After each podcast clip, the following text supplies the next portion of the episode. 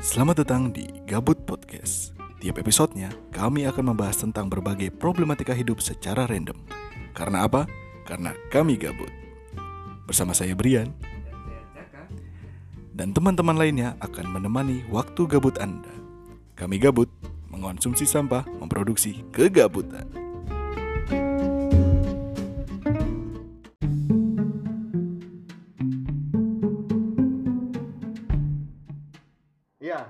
Ini penting nih. malas Eh enggak penting maksudnya maksudnya to, oh, topik- menarik untuk topik dibahas ya, iya, gitu maksud saya tetap, tetap penting untuk dibicarakan karena ini Iya, habit. menarik, menarik. habit penting Yo, ya. Ini habit. Maksud saya tadi malasnya itu bukannya hal yang penting tapi penting dibicarakan iya. penting dibicarakan Bukan malasnya yang penting.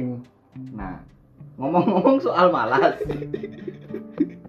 sebenarnya benar apa kata orang-orang malas itu tidak boleh dilakukan secara terus menerus Iya. karena malas yang dilakukan secara terus menerus akan menjadi rajin Iya, Iya. karena rajin itu kan sesuatu rutin. yang dilakukan terus terus menerus. Berarti akhirnya kita rajin bermalas-malasan. Tidak ber- ber- berarti malasnya itu udah hilang. Heeh. Orang yang selalu bermalas-malasan sebenarnya adalah orang yang rajin. Nah, Rajin bermalas-malasan. Rajin malas-malasan. Maka orang yang benar-benar pemalas, dia adalah orang yang kadang rajin, kadang malas. Oh, iya. Dia dia malas untuk bersikap rajin dan dia malas untuk bersikap malas. Dia Makanya rajin. Oh iya. Soalnya kata Edi Jab. Ini Siapa itu? pakar ini, Pakar ahli. kemalasan. Enggak tahu ya maksudnya- tapi kalau dia malas nggak bakal jadi pakar Bre, kayaknya. lah ya mungkin dia berasal dari apa namanya backgroundnya yang dulu bermalas-malasan akhirnya dia menciptakan sebuah teori Gimana teorinya? menurut dengarkan Jacques dulu. itu rasa malas itu diartikan sebagai keengganan seseorang untuk melakukan sesuatu yang seharusnya atau sebaiknya dia lakukan masuk dalam keluarga ras- eh, besar rasa malas itu contohnya menolak tugas tidak disiplin tidak tekun sungkan sungkan ini termasuk malas Sungkan itu malas. Malas apa kalau sungkan itu? Yo, males. Apa sih kayak dia tuh ah enggak ah. Padahal tuh males bukan sungkan gitu. Hmm. Katanya tadi Enggak, sudah. enggak, enggak. Ya mungkin itu dibungkus menjadi oh sungkan padahal dia males gitu loh. Terus ada suka menunda sesuatu sa- sama suka mengalihkan diri dari kewajiban. Oh. Kayak gitu. Berarti bisa dibilang malas itu kaitannya juga erat dengan tidak bertanggung jawab ya. Oh, jelas. Jelas ya. Itu jadinya malas. Mungkin dia maksudnya gini. Dia karena malas akhirnya tidak melakukan tanggung jawab. Mm-mm. Tapi ada juga pemalas yang malas melakukan sesuatu yang tidak penting, hanya melakukan sesuatu yang sesuai tanggung jawab Yang penting. Berarti apakah itu termasuk kategori malas atau rajin. atau rajin? Kayaknya dia tetap malas deh. Maksudnya gini, dia malas Dia untuk malas yang terukur. Iya. Dia Malas punya yang terukur, dia skala punya prioritas. skala prioritas itu. Ya itu tadi berarti dia bukan pemalas yang benar-benar pemalas. Maksudnya, eh dia pemalas yang benar-benar pemalas. Karena dia tidak menjadikan kemalasannya itu sebagai hal yang rutin. Oh ya ya ya paham paham paham. paham. Kemudian ada fakta menarik apa lagi beri soal pemalas itu? Ternyata banyak ini orang-orang penting itu yang dasarnya itu males. Iya. Kamu tahu Stephen Hawking? tahu? Dia males loh. Dia malas gerak. Iya, Kamu jangan gerak. Ke mana-mana pakai kursi roda. Iya. Enggak, enggak, enggak. Enggak anjing. Enggak, Stephen Hawking tuh ternyata dulunya tuh pemalas. Hmm. Kenapa gitu? Jadi di waktu dia baru bisa baca, baca nih, membaca di umur 8 tahun cuy. Itu malas atau bego, Bre? Kalau menurut saya sih males. Ya, Orang karena tuanya yang males. Siapa yang bilang Stephen Hawking bego ya? Jadi dia tapi ini efeknya bagus. Dia baru bisa baca umur 8 tahun. Nah, katanya juga dulu waktu kuliah di Oxford itu ambil fisika kan dia. Dia juga Dia males tuh. belum bisa baca. Udah dong, Udah. masa kuliah umur 8 tahun. Oh, iya. Itu ngambil fisika itu doang yang diambil. Maksudnya enggak. Kan dia punya dua tangan, masa ngambil fisika doang? Maksudnya sama enggak ngambil komputer kalau malam. Ya enggak dong. dihukum dong dia berarti. Enggak dihukum di fisika. Enggak, maksudnya katanya ngambil komputer bisa jadi dia Iya. dihukum. Dia di Ya enggak, bukan dia di fisika, enggak dihukum. Kalau yang dihukum itu Ruhut Sitompul. Oh, Wah jadi ruwet anjing. si Ruhut itu kalau malam ngambil komputer, kalau paginya dihukum ya. Ya Enggak enggak kayak kan dihukum Lah dia. kan ngambil, ngambil emang si Ruhut ngambil si tompul ngambil komputer. Kayaknya ngambil komputer deh kalau malam. Tapi dia dihukum. Misalnya dihukum. Nah terus kan dia kena ini kan si Stephen Hawking kan kena penyakit saraf itu tuh makanya. Eh. nah baru abis jangan mentertawakan keituan orang deh. apa keituan tuh apa? Keanuan lah. Nah abis itu dia baru rajin tuh rajin belajar sama bekerja. Oh karena aktivitas dia tidak bisa mengerjakan aktivitas yang lain loh yang mubazir gitu. Jadi dia bisa fokus gitu loh. Ya bukan kalau menurut saya rasa malasnya ini terhenti karena ada tanggungan yang lebih besar. Mungkin bukan terhenti, tapi dia bisa mengalihkan rasa malas itu. Nah ini bagiku penting. untuk bermalas-malasan di tempat lain Iya. Ya Jadi enggak dong. roda itu. Itu enggak kekuatan banget. Enggak maksudnya gini. Itu enggak malas anjing, itu penyakit. Menurutku rasa malas ini perlu dialihkan gitu loh. Kalau misalkan dia malas malas lari nih, tapi dia suka baca buku. Jadi dia mengalihkan rasa. dia bukan malas lari, Put. Dia emang nggak bisa lari. Iya, maksudnya dia kan daripada lari-lari kan. kontennya kan ini terlalu Iya terlalu darat ini kontennya ini kita Iya. tidak boleh terlalu banyak membicarakan kekurangannya Stephen Hawking Eh, itu bukan kekurangan, cuy. Itu kelebihan dia. Kenapa? Kenapa? Karena tidak semua orang Bisa naik kursi roda? Iya dong. Oh, oh iya. Iya sih? Iya nggak? Ya aku bisa aja naik kursi roda loh. kursi roda bukan putar bukan untuk dinaikin Eh, diduduki. didudukin Iya, iya, Iya. Nggak perlu dikendarai juga. Eh, dia nyetir Lo loh. nyetir sendiri ya? Gini. Enggak nging, lagi tombol. kenapa jadi mesti pada gitu ada lagi pemalas beri katanya ahli yang pemalas beri Enggak tahu sih. Ada nah itu katanya kamu tadi Einstein? itu Einstein malas. Newton katanya Eh, Newton. Einstein. Eh, kamu Oh, kenapa Einstein? Einstein males potong rambut. Lah. Coba kalau dia kalau dia potong rambut mesti rapi cuy rambut. Lah, itu masalah itu beda lagi. Tapi dia malas cuy. Lo tahu dari mana? Emang situ dulu pernah ini segeng. Enggak, kayaknya aja. Jangan kayaknya. Ini yang beneran tuh Isaac Newton. Tahu nggak? Ini kalau dia ditinggal ceweknya jadi sak tangis ya. Apa Isaac Newton. Kenapa? Tahu nggak? Yang main gaya gravitasi. Tahu ini Nah, dia kan? malas sih karena dia tuh awalnya cuma nongkrong doang kan. Nah, dia tuh disuruh kerja kan sama Mm-mm. bosnya. Dia cabut nih. dia kuproy Kuproy, Dia awalnya kuproy series Kuproy. Oh, Dia Kuproy. dulu eh, bikin proyek apa gitu kan. jamet dong. Kok jamet ya? Jamet, jamet dulu kan belum ada TikTok. Oh iya. Dia disuruh nih sama bosnya. Terus dia kabur kan ke itu Kebun. nongkrong dia di kebun apel. di bawah pohon apel Ah capek nih. Eh, tapi kenapa apel ya? Nah, karena dia nongkrong di kebun apel. Hmm, gitu. Kalau di kebun nanas kan nanasnya di bawah Oh pohon iya nanas. benar juga. Terus jatuh nih, stop. Lah jatuh. Terus dia Terus? bingung, kok bisa gitu kan? Nah, emang kan biasanya emang jatuh kan? Lah iya, maksudnya dia waktu itu berpikir kok bisa ya? Hmm. Buah ini jatuhnya ke bawah. orang hanya orang-orang pemalas yang bisa Punya hal pemikiran. seperti Nah, itu loh. Saking karena malasnya. kalau tidak malas dia pasti sedang mengerjakan hal lain Iya benar. Iya. penemu-penemu itu adalah para pemalas Berarti jangan jangan-jangan kalau misalkan si Newton itu nggak males, nggak akan ada penemuan gaya gravitasi. Iya benar. Iya, Sampai benar. sekarang. Sampai ya. sekarang kita mungkin bingung. Ya Hmm. udah, apel jatuh ke bawah ya udah, tapi itu doang. bukan karena gravitasi. orang-orang rajin tidak punya waktu untuk berpikir karena mereka selalu bertindak Hmm. melakukan sesuatu Ya, ya bisa jadi. nah pemikir-pemikir itu berasal dari para pemalas males ngapa-ngapain akhirnya cuma mikir Iya, aku mau ngapain ya? aku mau ngapain ya aku mau ngapain ya? Nah, gitu. terus lihat apel jatuh Ah, terus dia dipikirin tuh. kalau bukan orang males dia nggak bakal mikirin kenapa apel jatuh dia akan mengambil apel itu terus membawa pisau mengambil pisau dikupas lalu dimakan Ah, wah, tapi dia pemalas wah rezeki. Heeh, tapi dia pemalas Nggak ngambil pisau dulu berarti. Enggak, Newton nggak ngambil. karena dia males Akhirnya dia langsung dimakan. Oh gitu. Terus dia mikir, ah kenapa apel ini jatuh ke bawah? Gitu. Terus dia ngitung-ngitung nggak dulu? Ngitung-ngitung apa? Ya kan ada rumusnya nggak sih? Ada, Ada. percepatan ngitung dia. Akhirnya ngitung, akhirnya dia keluar dari proyek itu. Hmm. Bos saya kayaknya Nggak mau jadi kuproy deh. enakan ngitung apel. Bukan gitu. apelnya ya iya maksudnya eh, percepatan gayanya mungkin kayak gitu akhirnya dia menemukan kalau gaya gravitasi itu kecepatannya 9,8 meter per mungkin Sekon. gaya gravitasi itu cuma alasan Newton untuk bisa bermalas-malasan bisa jadi jadi begini apa itu gaya gravitasi adalah daya tarik bumi hobi Newton adalah rebahan. Heeh. makanya dia membuat hukum gaya gravitasi. Iya. sehingga ketika dia rebahan menemukan. Dia nggak membuat. dia awalnya. menemukan dia menemukan gaya gravitasi itu. Itu hanya untuk alibi dia rebahan. Iya benar. Setuju sih saya. sedang mengukur gaya gravitasi bumi. Padahal rebahan. Padahal rebahan. Kan orang-orang zaman dulu kan belum kepikiran kan Put maksudnya apaan tuh gravitasi Iya. bumi Gaya gravitasi mungkin dulu menjelaskannya seperti ini gitu. iya Gaya gravitasi bumi itu apa sih? Gaya gravitasi bumi adalah gaya tarik bumi. Mm-mm. Jadi ketika Anda sudah merebah di tanah, terus Anda sulit bangkit, itu karena ditarik oleh gaya gravitasi yang dan rasa malas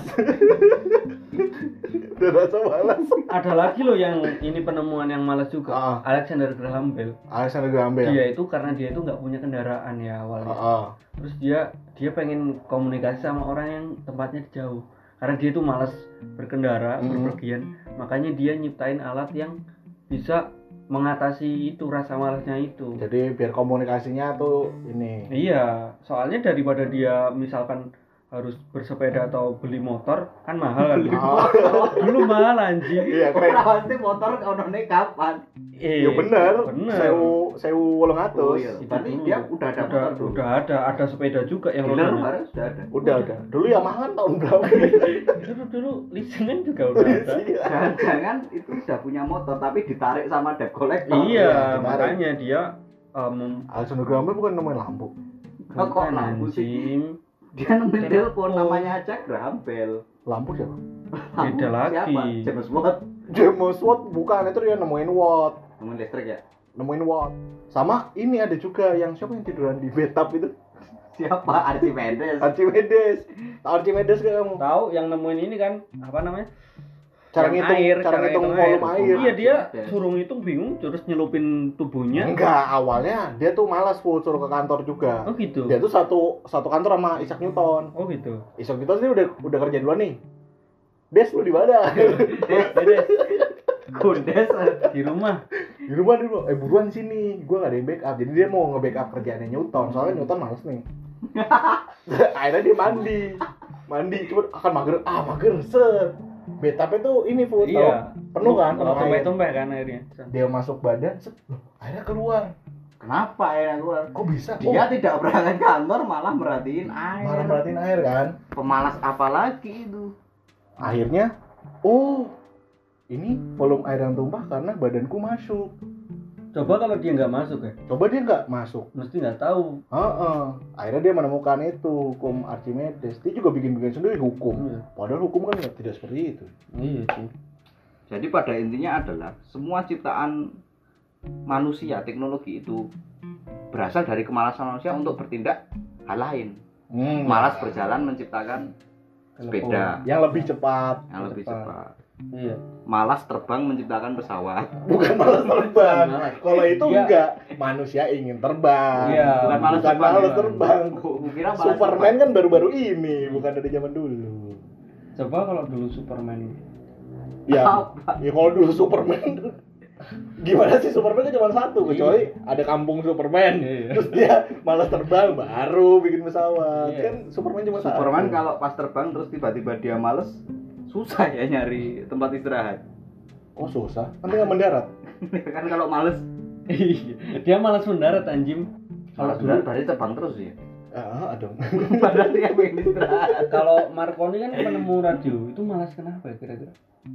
Marconi Hmm. Dia malas nonton TV, makanya Oh, dia bikin iya. radio Bener. biar bisa didengarkan aja. enggak Nonton. konsep enggak salah anda jangan salah TV sama radio duluan radio anjing. beda radio itu dulu untuk menyiarkan berita Berarti dia malas. belum ada TV Dia malas baca koran.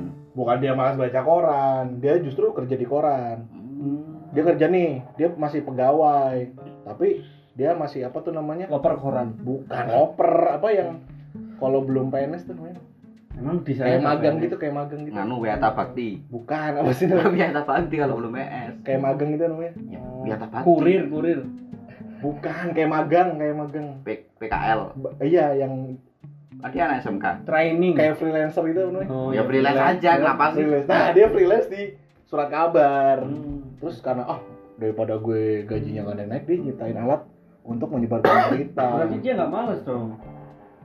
Hah? Malas juga. males Oh, malas Dia nyebarin malas gitu sama ya? gajinya yang kecil. Ah, sama dia malas nyebarin iya dia tuh kan door to door gitu kan. Ah, ah, ya udah akhirnya ah males nih gimana caranya biar berita cepat sampai Hmm, hmm. dia akhirnya nelpon si Newton. Graham Bell kan dia nyiptain telepon kan Enggak, si si Isaac Newton kan ke mana makan apel doang. Ya terserah dia dong. ya terserah dia lah. Terus dia nelpon Alexander Graham Bell. Bell. tapi gembel enggak tapi si Graham Bell dong. tapi si itu si Marconi juga udah punya telepon berarti Kan udah. oh gitu Kan dikasih telepon dulu. enggak tapi radio. tapi dikasih gerambel apa beli sendiri Oh, kira dia nelpon Graham Bell buat nyiptain telepon. Bukan, telepon udah ada, baru radio. Karena telepon itu dua arah, radio kan pakai frekuensi. Hmm. Dia menemukan celah nih, oh kalau frekuensinya sama berarti semua orang bisa menerima hal yang sama. menerima pesan yang sama gitu ya Iya, pinter dia jadinya. Nggak pinter sih kebetulan aja nemuin Kebetulan. itu. Karena dia males. Karena dia males, kayak gitu. Sekarang bosnya yang orangnya bangkrut. kasian banget ya Tapi itu kan zaman dulu. tapi Maksudnya, zaman sekarang juga banyak orang-orang malas nah gitu maksudnya kalau zaman dulu itu itu penemuan itu penting banget dan berguna sampai sekarang gitu loh. Eh, karya-karya mereka tuh berguna Hmm. radio, televisi, motor, mobil, sepeda, lampu. Kalau zaman sekarang kan banyak mahasiswa malas. enggak enggak aku gini Loh, lihat enggak? enggak ba- banyak banget sekarang pekerjaan orang-orang malas tapi dia ah, karena tuntutan pekerjaan ya dia harus gerak gitu loh contoh aja pemulung itu malas loh orang Kok males? Kok males? Kamu Dia- jangan menistakan profesi. enggak aku nggak menistakan profesi pemulung. Pemulung itu kan juga penemu. Dia juga males. Bayangkan kamu menjadi dia- guru fisika. Enggak gini, konsep Coba Enggak, enggak, sebutkan lima penemu. Coba sebut tiga penemu Enggak, enggak. Isaac Newton, Alexander. Graham sama Pak Sukardi. Pak Sukardi apa? Penemu Dia pemulung, penemu barang-barang bekas. Gini, Enggak, gini tapi- food, sebentar. Kita samain kon, apa persepsi eh, konsepnya dulu. Persepsinya dulu samain dulu. Penemu sama pencari. itu beda. tapi dia bilangnya nemu loh kalau ditanya gini "Eh, Ki- kamu dapat Gini dapat eh, sih. kamu dapat barang ini dari?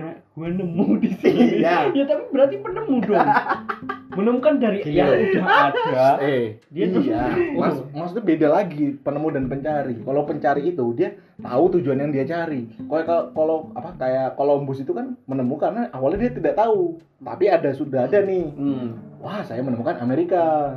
karena udah ada gitu ya Nah, tapi dia belum fisikawan-fisikawan itu nggak tahu dong mereka mau ngapain. Oh nggak tahu dong. Karena itu nggak sengaja semuanya tadi. kok kamu tahu katanya nggak tahu Kan sejarah. Oh, sejarah. Itu kan sudah terjadi di lampau. Beda ya penemu sama pencari. Kalau pencari kan aku harus mencari gelas bekas. oh iya Akhirnya dia mencari Berarti pemulung itu bukan penemu, pemalas tapi pencari. pencari. Pencari. Kok pemalas? eh ada lagi yang pemalas juga Enggak. pengamen Bentar, Si. sebentar. Anda Oh, tadi pemalas belum selesai Oh, iya. pemulung. Maksudnya gimana?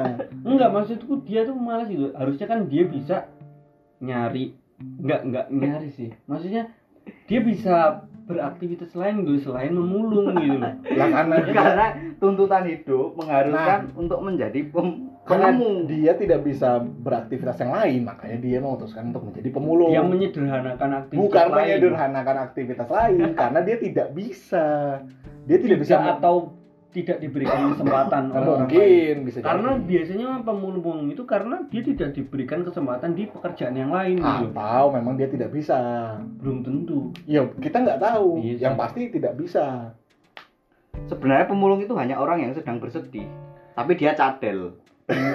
Iya. itu Soalnya pemulung pemulung. goblok Nah, pemulung tapi dia cadel. Iya. Makanya jadi pemulung. Berarti dia tidak pernah merasa gembira. nggak tadi maksudnya gimana tukang tukang las juga pemalas gimana Enggak, bukan tukang las. Tukang las pengamen. oh iya Kenapa Padahal dia pengamen? bisa konser di tempat-tempat yang lain loh. Eh, nggak bisa. Eh, Nggak dia bisa bisa. di panggung-panggung yang lebih modern daripada dia Hey, dari kafe ke kafe. duitnya duitnya Duitnya untuk gimana? untuk manggung dibutuhkan dana yang besar Enggak juga gitu loh. Maksud tuh gini, dia males aja. malas untuk, apa Untuk bikin panggung yang besar. Untuk, karena tidak ada sokongan dana bukan gitu, Bre. oh bukan gitu Maksudku gini, dia kan bisa pakai apa gitu sama kadang misalkan dia males gendring dia cuma pakai icik-icik kan males banget gitu iya gak sih bukan males iya itu emang males. konsep keseniannya seperti itu. Kamu harus memahami bahwa sesuatu yang sederhana bukan berarti dia murni sesederhana itu. Nah, mungkin memang dia tidak bisa bermain alat musik seperti gitar, makanya dia kicik-kicik. berarti males kan Bukan malas, tapi tidak dia bisa dan malas beda. tapi bagiku dia punya- Malas adalah sesuatu yang menghindari apa yang bisa dilakukan. Nah, Bukan tidak saya bisa melakukan sesuatu. seperti tadi Edi Gure Edi Gurero. Siapa tadi? Edi Zak. Edi Zak tadi kan ngomong gitu. tapi dia bisa belajar tentang gitar misalkan ya daripada icik-icik doang Loh, kalau daripada dia nggak belajar gitar, dia jadi karyawan. kalau daripada, ayo, kok bisa daripada belajar gitar mending jadi belajar jadi karyawan. ya biar mending jadi musisi dong ngapain dia jadi Iya masih yang lebih baik. Ada, masa saya nggak main pakai kicik-kicik, mending saya belajar gitar. Ya mending jadi karyawan. enggak soalnya gini sama-sama pakai icik-icik kalau misalkan dia berani dan mau di panggung bayarnya akan beda bri Panggung, Enggak Effortnya gitu beda. juga bahwa sebenarnya apa yang bisa dicapai di muka bumi ini bukan semata-mata hanya modal mau, Nah, tapi terkadang ada mau yang namanya namanya keadaan. nah, betul, Begitu. betul. Jadi pemalas itu bukan murni seseorang yang benar-benar malas. Dia kena pressure dari keadaan sehingga akhirnya harus jadi pemalas. Kenapa kita malas kuliah? Karena keadaan menuntut kita untuk malas, Bri. Keadaan tidak menuntut. berarti kalian menyalahkan keadaan dong Yo iya, ya itu keadaan psikologi saya. Menuntut saya untuk enggak berarti kalian itu rajin bermalas Kok kalian-kalian toh? aku juga aku kan bagian dari kalian Ya makanya. Ya enggak kalau Ya enggak, bagian kalau itu kalian kami. itu orang kedua jamak. Oh, Kalau bagi kalau Kita lah ya, menjadi kita. bagian itu kami kita. Nah, masalahnya sekarang kenapa kita malas? Apakah Kenapa kita ya? punya Enggak. alasan? gini kalau misalkan kenapa kita malas berarti itu alasan pribadi masing-masing Iya, Nggak maksudnya- bisa diseragamkan Enggak, dong Bu, saya enggak menyeragamkan. aku juga nggak Aku nggak pakai uniform. Sekarang kita sedang online sekolahnya, nggak perlu diseragamkan. Bukan. Maksudnya apakah mungkin dari kemalasan kita sepakat ya kita malas ya? Ya sepakat. Nih, kita sepakat ya kalau kita malas ya. Maksud maksudnya kita nggak menyepakati kesepakatan kan maksudnya kita nggak menyepakati kemalasan itu baik enggak, saya ngomong kalau kita malas. iya Ya kan? iya iya Maksud saya mungkin ke depannya untuk teman-teman yang lain itu yang pengen malas bu bukan dong. ya bisa sih. Eh Males jangan dipingini. Kalau dipingini itu berarti harus diusahakan. ah berarti udah Sesuatu bukan yang diusahakan males itu lagi. bukan lagi pemalas. Jadi kalau ada orang yang bilang aku ingin males-malesan, berarti dia, sudah tidak pemalas. iya Karena dia ingin mencapai sebuah kemalasan. enggak gini, apa? Mungkin dari kemalasan-kemalasan kita nanti teman-teman itu bisa menghindari mengambil sisi positifnya dan bisa menghindari eh, di bagian-bagian mana orang biasanya mahasiswa biasanya malas kenapa harus dihindari malas itu sebuah kelaziman loh tapi tidak Dan- baik so, so- Iya. seti- apa hal yang lazim belum tentu baik Bisa jadi tapi bisa jadi baik malas itu. contohnya Malas itu kan menghindari sesuatu yang dikerja, bisa dikerjakan. ya Misalnya nih, kita bisa mengerjakan hal-hal maksiat, ah, nah aku tapi malas- kita itu pemalas. ah. Iya. Kita jadi tidak mengerjakan misalnya hal malas maksiat nonton itu. bokep misalnya malas nonton bokep Kan jadi baik malas jadi itu. baik dong Bukan Iya. berarti kita menghindari bokep, bukan berarti kita tidak Kita- menyepakati kita malas itu. aja nonton kita malas bokep, aja gitu loh. nonton bokep. karena males Nah, males. padahal bisa Bukan bisa. berarti akhlak kita baik, nggak nonton bokep. Ah, Iya. iya. Nah, kira kita malas aja. tapi kan itu malas untuk hal yang negatif kan kita juga banyak malas untuk hal yang wajib positif itu Seperti nonton bokep. itu kan negatif Oh, yang negatif ya. maksud kayak kuliah kenapa kita lulusnya lama kok Kita anda bukan lulusnya yang lama, eh enggak ya kuliahnya yang lama. Lulus mah cepet tinggal wisuda. Iya. Oh, iya iya lulusnya cepet kalian sepakat gak kita terlalu ber- bermalas-malasan di kuliah Nggak cuma di kuliah, tapi di kehidupan. iya masa kehidupan berkuliah Hmm. masa yang menyebabkan kita kuliahnya jadi lama Hmm. iya enggak Ya iya. Berapa tahun kita kuliah? Lima setengah. Ah, ya ya, enam dong nggak masa gini enam dan itu juga belum lagi Iya. enam itu belum tentu lulus loh itu Membayangkan aja udah males aku. nggak usah eh, dari segi dari aspek apa aja di dalam perkuliahan yang kamu malesin gitu yang mengakibatkan kamu kuliahnya lama gitu. Males apa ya? Seperti yang disebutkan oleh Edi Zak tadi. Ah, ah. Pertama, malas adalah menghindari tanggung jawab. Contohnya, Contohnya tanggung jawab bahwa kuliah itu harus berangkat ke kelas. Mm-mm. Tanggung jawab bahwa kuliah itu harus mengerjakan tugas. Heeh. Kemudian sungkan. Sungkan untuk Iya. menemui dosen. Mm-mm. Sungkan untuk meminta perbaikan nilai. Betul. Sungkan untuk mengurus administrasi perkuliahan. Mm-mm. Nah, itu tadi. Jadi sungkan atau malas sih? Sungkan itu kan bagian dari Sungkan malas. dulu, Put. Oh sungkan dulu. Jadi, ah, Oh, nggak jadi- enak nih minta sama dosen. Hmm, akhirnya Apa? Ngulang aja besok. Tapi nggak diulang. optimis dong. Bukan optimis. ya. Enggak, Tapi optimis. saat itu optimis. Optimis ngulang kan berarti? Iya. Berarti Aku dia ngulang aja. Berarti sebenarnya kita tuh rajin, Bri. rajin cuy. Rajin. Yang seharusnya masalah bisa kita selesaikan dalam kurun waktu satu minggu kalau menemui dosen, kita malah memilih ngulang yang itu menghabiskan waktu empat bulan. itu bukan rajin namanya. Itu namanya wasting time.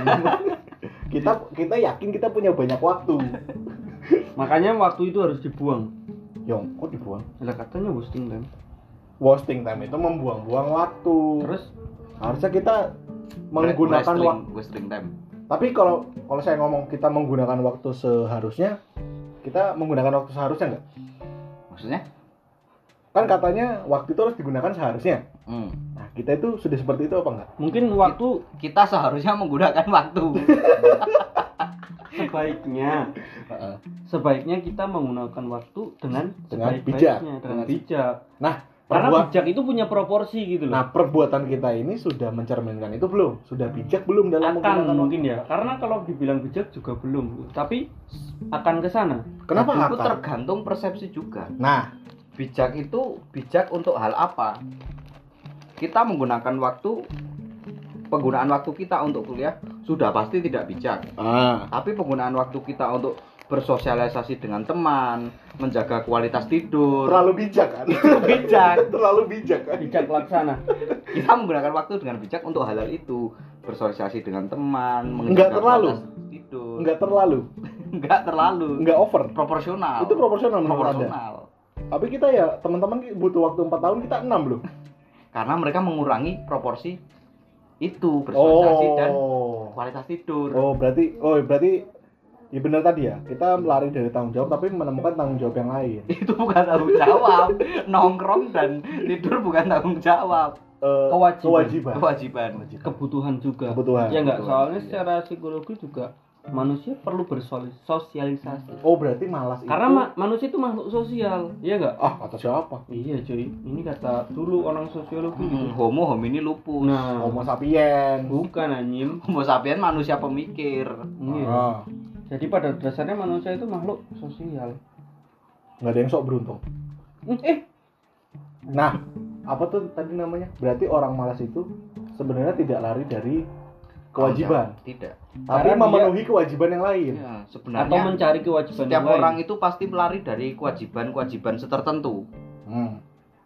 Misalnya, orang yang rajin kuliah, belajar terus, dia pasti dari lari dari kewajiban lain. Contoh. Contoh, kewajiban tidur kewajiban bersosialisasi dengan teman Iya. secara intens. Hmm. secara komunal juga ya. Hmm. Ya itu tadi dia lari dari tanggung jawab itu. Nah, apa yang disebut sebagai pemalas adalah orang-orang yang lari dari tanggung jawab yang secara kemasyarakatan disebut sebagai tanggung jawab yang penting.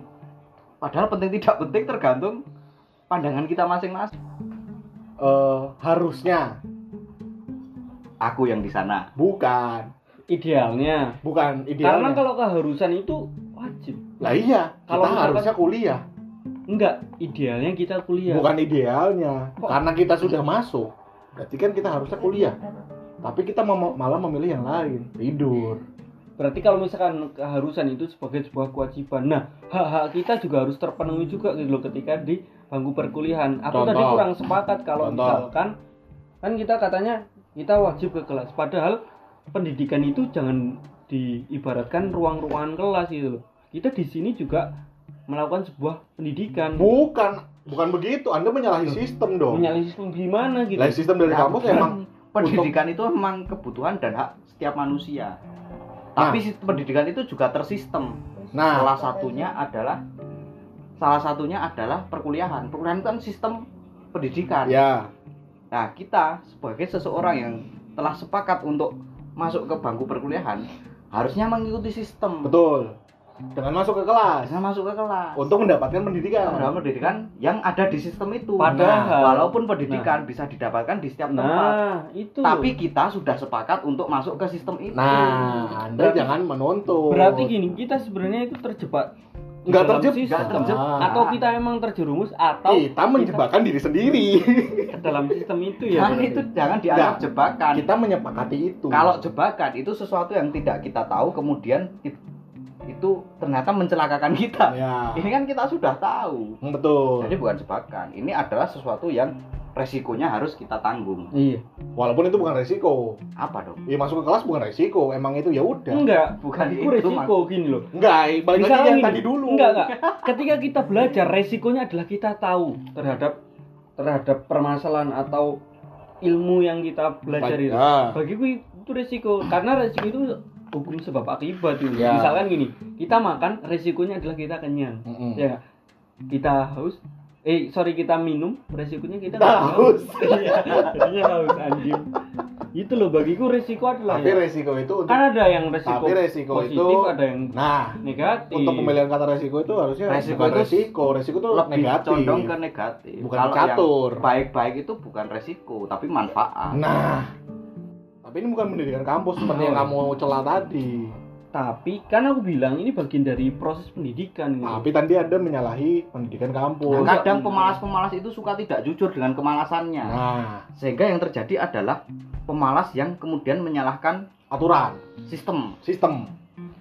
apaan sih sekolah apaan sih kuliah pendidikan kan bisa didapat di mana saja padahal dia cuma pemalas Pemalas. Dengerin. tapi tidak jujur dengan kemalasannya Hmm, jangan kita adalah orang-orang yang memperjuangkan kejujuran kemalasan kita Betul. tidak pernah sakit hati dibilang apakah pemalas apakah pemalas itu perlu diumbar-umbarkan? Hmm, oh tidak, tidak, tidak, yang tidak. penting jujur Ketika Mengakui. ditanya, Mengakui. Harus mengakui, harus. Mengakui, wajib. harus, ya. wajib. Karena kita prinsip karena kita malas berbohong Oh iya. malas berbohong. karena berbohong itu lebih repot daripada bertindak jujur Betul. Jadi malas itu ya udah diakuin aja. Gak harus ditutup-tutupi. dengan alibi-alibi yang terlalu dipaksakan kadang Tapi Kamu tuh nggak lucu, Fu. iya. iya. lucu. Jadi bagiku gini. eh, seseorang kan punya limitasi masing-masing gitu. Iya. Punya batas atas dan batas bawah untuk tingkat kemalasan itu. Betul. Jadi kalau dari aku pribadi, seseorang boleh memilih untuk menjadi malas ataupun memilih untuk menjadi malas-malas yang lain. gitu. Karena Ah. pada dasarnya orang adalah orang-orang yang malas. Konklusi apa ini anjing? Konklusimu di mana, Bang? di situ. Jadi dikembalikan ke orangnya gitu loh. kata Mahfud intinya Mahfud itu bilang bahwa malas itu punya Sifat. ukuran sendiri-sendiri Iya. untuk setiap orang Ya. nah itu Udah. Iya, udah, itu aja. doang maksudnya Mahfud Udah gitu aja. Iya gitu aja. malas aku soalnya malas ngomong banyak gitu. ya kami pengumum banyak Banyak kan ya? orang malas itu to the point Ya intinya malas itu adalah pilihan. gimana Bri konklusinya Apa, Cok? Apa yang harus dikonklusikan? kemalasan itu harus disikapi dengan jujur sikap jelek apa pun harus disikapi dengan jujur Berarti kemalasan harus disikapi dengan embrace kemalasan harus disikapi dengan jujur tawakal. Kok tak makan? Kenapa harus awal?